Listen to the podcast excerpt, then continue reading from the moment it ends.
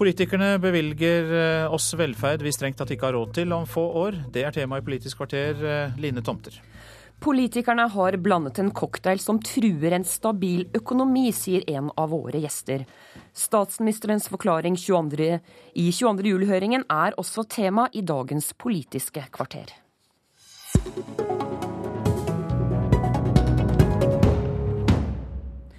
De offentlige budsjettene eser ut, og politikerne bygger ut velferdsgoder de vet vi ikke har råd til om få år, advarer Elisabeth Holvik, sjeføkonom i Sparebank1-gruppen. Og Elisabeth Holvik, hvor er det dette fører oss? Alle beregninger som eh, ligger i alle statsbudsjett og langtidsbudsjett, viser at vi vil få en kraftig eh, problem om noen år pga. en raskt aldrende befolkning og pga. kostnadsnivået i Norge. Så det gjør at eh, hvis vi skal opprettholde det velferdssystemet som vi har lagt oss til i dag, så må det en kraftig skatteøkning til i framtida. Og det er under ganske strenge forutsetninger. Så inndekkingsbehovet, som staten da vil trenge av eh, inntekter, er store i framtida. Så noe eh, må gjøres, og det er viktig å starte tidlig med den omlegginga. Steinar Holden, professor ved Økonomisk institutt ved Universitetet i Oslo. Du har litt mer forståelse for disse ekspansive budsjettene som politikerne presenterer. Hvorfor det? Jo, Jeg er jo enig med Elisabeth Holvik i at vi, vi, burde nok spare mer eh, nå enn det vi gjør. Fordi det er klart at utgiftene vil øke fremover. Men eh, så er det jo allikevel slik at vi bruker faktisk betydelig mindre enn de fire prosentene som handlingsregelen sier eh, at vi kan bruke i gjennomsnitt. Så eh, det er store forventninger ute blant folk. Og de politiske partier jo, har jo vært enige om at man skal holde seg på handlingsregelen. Nå bruker regjeringen noe mindre enn dette. Og, og det er vel kanskje der det er kanskje ambisiøst å, å, tro at man kan få til å bruke mindre enn dette. Det høres ut som du mener at man skal høre på folkets forventninger, mens du da Holevik sier at enten så må velferdsgodene kuttes, eller så må skattene kraftig opp. Og hvorfor kan vi ikke da bare sette opp skattene? Altså, det som jeg tror er viktig å, å, få en forståelse for, det er at den økonomiske politikken som er innført i 2001, den har ikke vært robust for de sjokkene vi har fått på økonomien. For der innførte en handlingsregelen, og så var det tenkt at inflasjonsmålet skulle være riset bak speilet. Men fordi en har eh, fått så lav prisstigning globalt Kina kommet med i verdensøkonomien, det var det ingen som hadde tenkt på. Oljeprisen var tenkt i 2000, altså før en innførte politikken, så tenkte en at oljeprisen skulle ligge mellom 15 og 28 dollar helt fram til 2060, nei, 2020. Og når da oljeprisen går rett i taket, oljefondet vokser enormt, og en ikke har noe bremsende mekanisme fra eh, renta, så er det full fres i alle sektorer. Oljesektoren skriker etter arbeidskraft. Eh, lønnsveksten går rett eh, opp, selv om mange av våre naboland kutter i lønningene eller holder igjen. Så vi er i ferd med å få en særnorsk lønnsvekst som vil gjøre at den Eh, det vi skal leve av etter oljen, kommer til å få store problemer. Du snakker om en særnorsk lønnsvekst. Og Holden, jeg fant eh, tallene fra SSB her som viser at eh, i januar 2011 så er gjennomsnittslønna i offentlig sektor på 470 000 kroner. Er det ikke noen grunn til, syns du, å være litt bekymret over denne utviklingen? Vi har et eh, veldig høyt eh, lønnsnivå i Norge, men det henger jo sammen med at eh, inntektsnivået i Norge er Altså for, for landet er veldig høyt. Har, det har vært en ekstremt kunstig økonomisk utvikling for Norge de siste ti årene. Med oljeprisen har steget mens vi kjøper billige, billige varer fra utlandet. Det er klart at, at, lønningene i offentlig sektor er kommet opp, men når man sammenligner lønninger i offentlig og privat sektor, så må vi huske på at utdanningsnivået er eh, betydelig høyere gjennomsnittlig gjennomsnitt i offentlig sektor. Og lønnsutviklingen har jo vært helt parallell mellom offentlig og, eh, offentlig og privat sektor de siste tiårene. Holvik. Men det som vi skal leve av etter oljen, det er jo arbeid. Og utfordringen nå er at etter 2004 så har produktivitetsveksten i norsk økonomi falt dramatisk. Og når en ser at der en skal vokse i framtida, er innen helse og omsorg i offentlig sektor, og en vet at det knapt finnes statistikk over produktivitetsvekst i offentlig sektor. Det lille vi vet, er at den er nær null. Så er jo det et eh, Hvor produktivt vi greier å bruke ressursene i Norge, kommer til å være helt avhengig av hvilken velferd vi kan forvente i framtida. Og hvis ikke vi starter nå med å diskutere hvordan vi kan effektivisere eh, norsk økonomi, eh, få mer ut av kronene vi bruker, så tror jeg det vil være en veldig utfordring i framtida, når oljeaktiviteten begynner å dempe seg. Det er i det hele tatt ganske lite tall på økningen i antall ansatte i offentlig sektor, lønnsutviklingen i de forskjellige eh, yrkesgruppene. Hvorfor bør vi ha bedre oversikt over hva som skjer i offentlig sektor, Holden?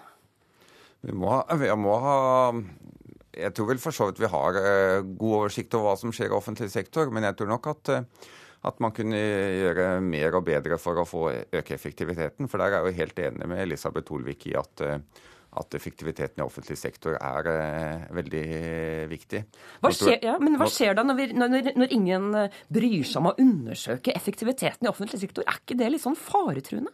Det som er ekstra faretruende, er at en har jo en måte å beregne verdiskapinga i offentlig sektor som i realiteten er at produksjon eller verdiskaping er lik lønn. Så satt på spissen, hvis en får en stor lønnsøkning i offentlig sektor, så øker produksjonen. Uh, og det gjør jo at en kanskje blåser litt opp uh, verdiene i norsk økonomi.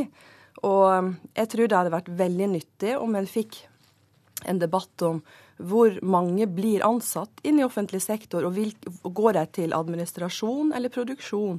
Eh, altså hvor Hva skjer egentlig i offentlig sektor? Nå, det, er jo, det, er jo, mange studier hvor man ser på effektiviteten i offentlig sektor, så det er ikke slik at dette er et felt som er fullstendig neglisjert. Men eh, det er nok eh, kanskje slik at noen av de virkemidlene vi forsøker å bruke for å få opp effektiviteten, kanskje ikke er så gode som vi hadde trodd. Så er det behov for å se på andre virkemidler. Men det er jo allikevel en visse studier av dette her. Så det er ikke et fullstendig neglisjert felt. Det er det ikke. I løpet av de neste to ukene nå så skal eh, statsbudsjettet behandles og vedtas av Stortinget. Og politikerne de er jo liksom stolte over at de klarer å holde seg innenfor handlingsregelen. Men har de egentlig noen grunn til å være veldig stolt av dette, Holvik? Jeg syns ikke det. For det, hvis en husker tilbake til 2008, så skulle jo en møte finanskrisa med midlertidige tiltak, eh, altså midlertidig stimulering av statsbudsjettet. Det som har vist seg etter 2008, at en har lagt seg på det samme, omtrent det samme nivået av oljepengebruk i prosent av BNP. Så vi bruker altså over 5% av BNP i oljepenger over statsbudsjettet mens en før krisa lå på rundt 3% Så jeg syns det er et viktigere mål på hvor mye oljepenger en bruker, enn akkurat handlingsregelen. For det er jo sånn hvis du vinner i Lotto, så eh, kan en liksom ikke snakke om moderasjon, selv om en bruker bare litt av penger hvert år. Holden, syns du vi burde kaste handlingsregelen på båten?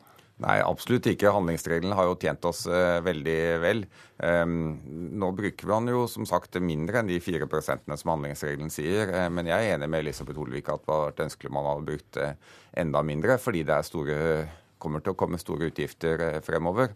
Men samlet vil jeg nok si at at det er bra sånn som vi har holdt på så langt også. Vi ser hvordan mange andre land har gjort veldig feil i budsjettpolitikken og sliter med store store eh, gjelds- og eh, underskudd. Og, og, det skaper store makroøkonomiske problemer. Jeg tror rett og slett det er eh, vanskelig å ha så ansvarlig politikk som vi økonomer gjerne vil ha. Det er vanskelig å få til det i et demokrati. Her er politikerne de er avhengig av å bli gjenvalgt, og derfor så blir det ofte slik at de lover litt mer enn det vi økonomer syns de burde love.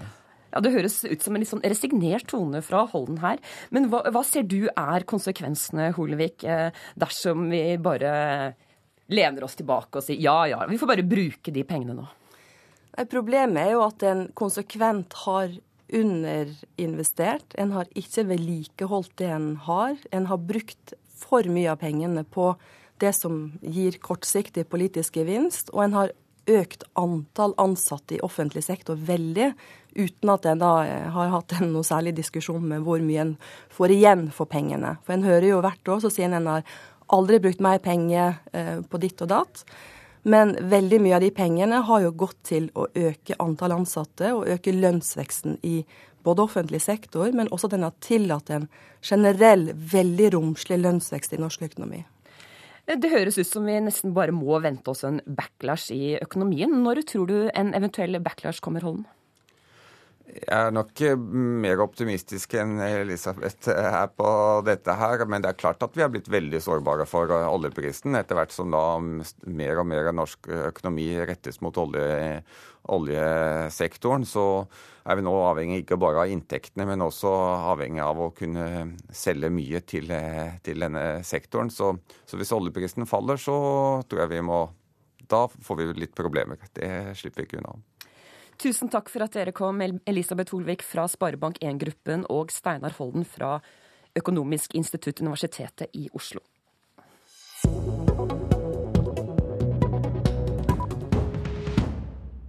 Jeg har det øverste ansvaret for det som gikk galt 22.07, har statsminister Jens Stoltenberg uttalt.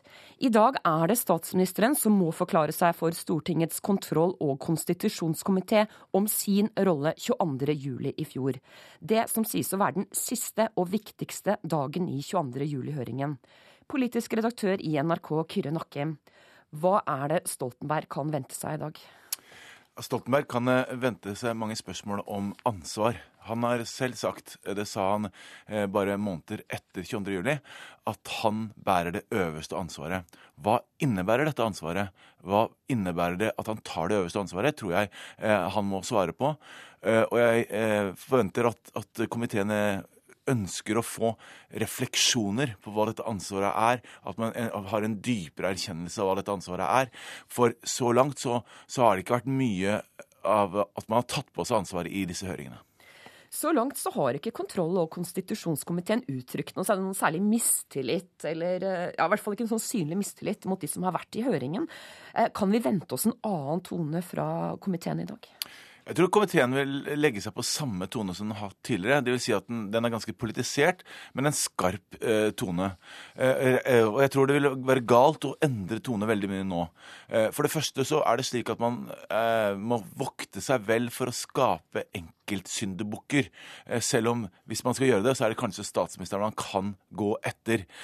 men for det, for det andre så er det slik at man vil fortsatt tape dersom man Det virker som om man prøver å, å spille på, på 22. juli som en, å få en politisk gevinst av den. Og denne bevisstheten har nok komiteen med seg videre. Men det er viktig at den borer, at den borer videre i de svakheter som har kommet fram både i Gjørv-rapporten og i høringen så langt. Nettopp dette overordnede, at ingen har tatt ansvar, ingen har virkelig tatt inn over seg at de har også ansvar for sikkerhet, for beredskap i landet. Og det er der statsministeren må vise både at han har tenkt den veien, og at det faktisk skjer en endring. Men hva ligger det egentlig i at når han sier 'jeg har det øverste ansvaret', er det noe annet enn en setning? Det kan virke som det er mest av alt en setning. Um, og det er interessant å høre hvordan han reflekterer rundt det selv. Fordi Eh, når statsministeren peker på at han har ansvaret, men eh, hadde også hans da ansvar å rydde opp etter seg, så, så har det forplantet seg ned i, i alle ledd under han. Og, det som vi har sett eh, nå i, i, i høringen så langt, det er at ingen har virkelig tatt på seg det personlige ansvaret, men heller vist til andre eh, deler av, av, forvaltningen. Det var andre personer, andre etater, som skulle tatt dette ansvaret som man selv ikke tok.